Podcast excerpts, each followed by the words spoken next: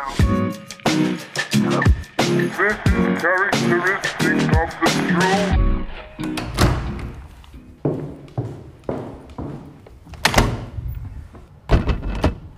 var det mandag, og jeg er på vei eh, ut av døra for å gå en liten tur. For det er deilig å gå litt når man må sitte så mye inne. Og når jeg går tur, så pleier jeg å høre på podkast. Men i dag så tenkte jeg at jeg skulle høre på nyhetssaker.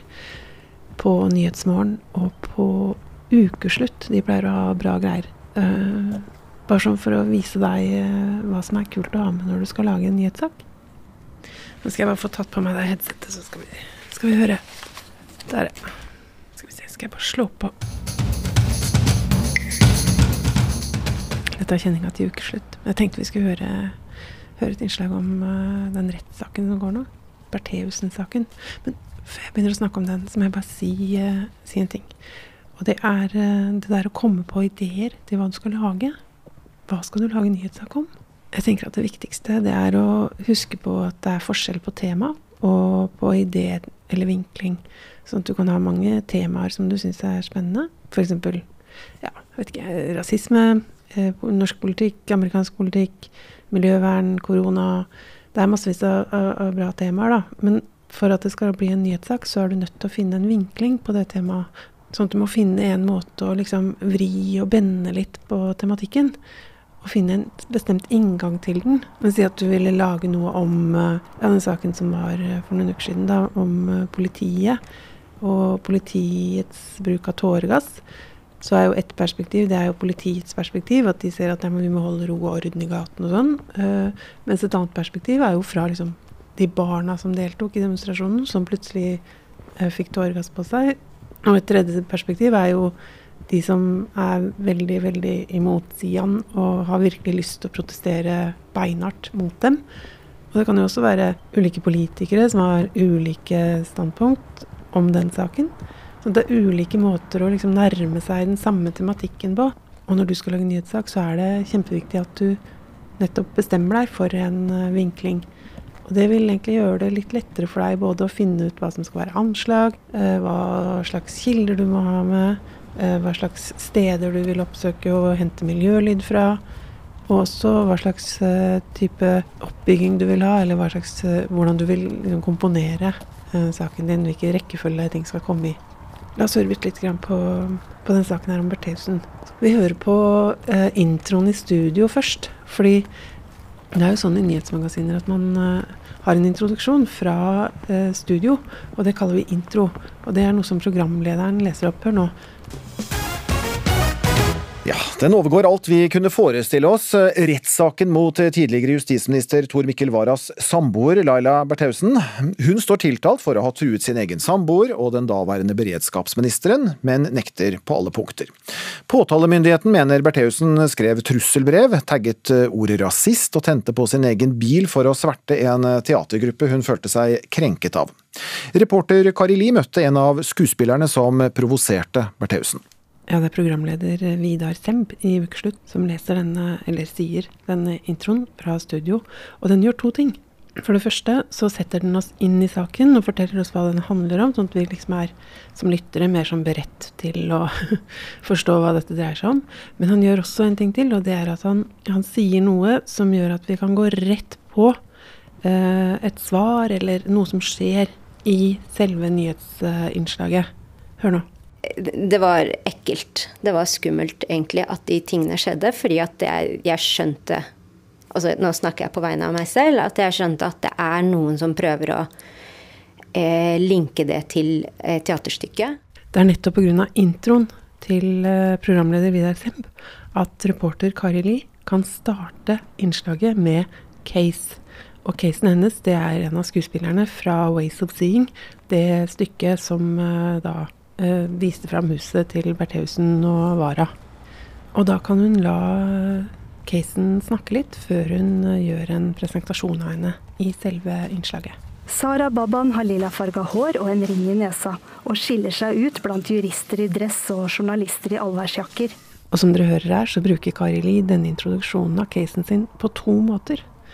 Den ene er at hun lar casen få fortelle om en subjektiv erfaring som også var emosjonell. Og sånn kan vi som lyttere leve oss inn i casens følelser. Men så gjør Kari Li noe mer. For hun, hun plasserer casen sin i Oslo tingrett. Sammen med jurister og journalister. Og sånn får hun elegant plassert oss i rettssakens midte. Men før vi blir med til Oslo tinghus, så har jeg lyst til å si litt mer om anslag. For det du har hørt nå, det er et anslag. Der vi emosjonelt kan identifisere oss med en case. Men som jeg sa i første episode, så finnes det flere typer anslag. Som du kanskje husker, så brukte jeg et klipp fra en pressekonferanse med Erna Solberg. Og et annet eksempel er fra Nyhetsmorgen 24.9. Da skulle det handle om koronatiltak som hindrer besøksvenner fra Røde Kors å besøke eldre på sykehjem. Hør her. Call in progress. Hver mandag ringer det på døren hos Ruth Hermansen. Please speak now. Heia. Å ja, jeg åpner. Ja, vi er utafor. 83-åringen har besøksvenn gjennom Røde Kors. Jeg skulle ha pyntet meg med. Vær så god, kom inn. Her er det reporter Synne Lykkebå Hafsås som tar oss med til en eldre dame som selv har kjent på den ensomheten, og som setter veldig stor pris på å få besøk en dag i uka. Også her er det casen vi møter først i saken, men her får vi også miljølydene av ringeklokka med på kjøpet. Som for liksom å markere at den saken nettopp skal handle om at folk ringer på og kommer på besøk. Men jeg har lyst til å gi deg enda et eksempel på et anslag. Dette er også fra ukeslutt, men det er fra sendinga den 19. september. Eh, Og denne nyhetssaken den handler om TV 2-programmet Skal vi danse. Og i år så deltar jo Birgit Skarstein, som er en veldig kjent eh, atlet og rullestolbruker. Og i forbindelse med det programmet så har eh, rullestoldanser Ellen Øyen reagert på sensasjonspreget som TV 2 skaper rundt Skarsteins deltakelse. Og det vil reporter Runa Leinan lage en nyhetssak om. Og saken hennes, den starter med dette. Så strekker vi hendene i været som om vi plukker epler fra et tre. Bare annenhver arm. Elin Øyen er 41 år, Sera Skal vi danse, rullestolbruker og danser i gruppa Danselaboratoriet i Trondheim. Sammen med flere andre dansere med ulike funksjonsnedsettelser svinger hun seg rundt på dansegulvet i rullestolen sin og strekker én og én arm i været så høyt som hun kan.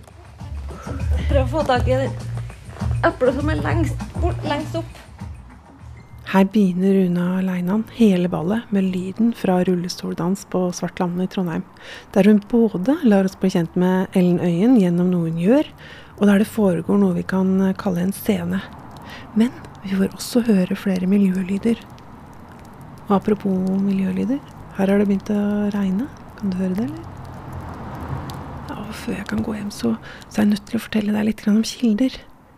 Så jeg foreslår at mens jeg leter etter en kaffebar, så kan du høre noen eksempler på kilder som Runa Leinan intervjua. I tillegg til hun eh, rullestoldanseren. Programdirektør for Skal vi danse, Katrine Haldorsen, er ikke enig i det Elen sier om dommerne. Eh, Jeg tror de er veldig bevisste på det òg, og eh, de trenger ikke bruke noen annen retorikk. Og Elen får støtte fra forbundsleder i Norges Handikapforbund, Tove Linnea Brandvik. Eh, Det at funksjonshemma tildeles grovt sett tre forskjellige roller. Det er helt eller offer, eh, gjerne i inspirasjonspornovarianten. Eh, Og hovedrollen vår blir å være funksjonshemma. Og Birgit Skarstein sier til Ukeslutt at hun tror hennes deltakelse kan være med på å normalisere et mangfold, og ikke minst vise at vi i bunn og grunn er mer like enn ulike. Da er inne på kaffebaren. Pju, her var det, her var det litt kø. Ja. Eh, hørte du de tre kildene? Eh, reporter Leinan hun hadde intervjua to andre meningskilder. Eh, for det første så hadde hun snakka med programdirektøren for Skal vi danse, som kunne svare på kritikken. Men hun hadde også intervjua lederen i Norges Handikapforbund, som kunne si noe om problematikken generelt. Dessuten så hadde hun henta inn en kommentar fra Skarstein selv, som ble sitert av programleder i Ukeslutt, Linn Beate Gabrielsen, etter at nyhetssaken var sendt. Oi, nå er det min tur allerede, gitt. Hei. Hei. Jeg kan få en uh, dobbel cortado og så en uh, kornbrød med ost og skinke. Skal vi se, dobbel cortado og kornbrød med ost og skinke. Til å ta med og sitte her. Jeg kan sitte her, ja. Men Leinan gjorde noe mer. Hun lot oss også få høre klipp fra andre programmer. Det vil si fra Skal vi danse, Publikum står for deg og innsatsen du har gjort i kveld, Birger. Det som jeg er skikkelig stolt av nå, er alle de der hjemme som har spurt hvordan går dette an. Nå så dere. Og fra Dagsrevyen.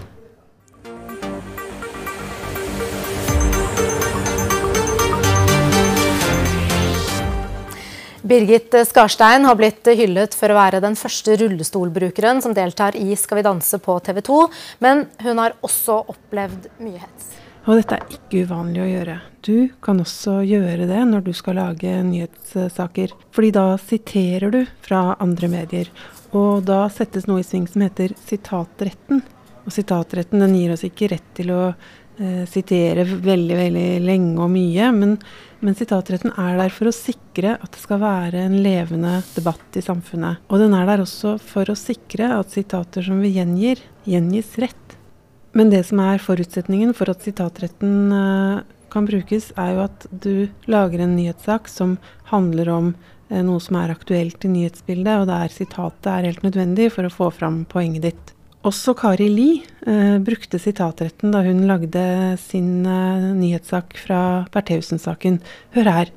Oslo tingrett skal i dag starte behandlingen av straffesak med tiltalte Laila Anita Bertheussen. Dette er klipp fra opptak fra rettssaken. Vi spoler tilbake til desember 2018. Betrakter dette først og fremst som et uh, angrep og en sjikane av norsk demokrati. Daværende justisminister Tor Mikkel Wara kommenterer hærverk og forsøk på ildspåsettelse hjemme hos seg. Jeg er satt til å gjøre en uh, jobb for regjeringen og en jobb på vegne av demokratiet, og da er dette et angrep på demokratiet. Og det var klipp fra tidligere uttalelser Wara har gitt til uh, media.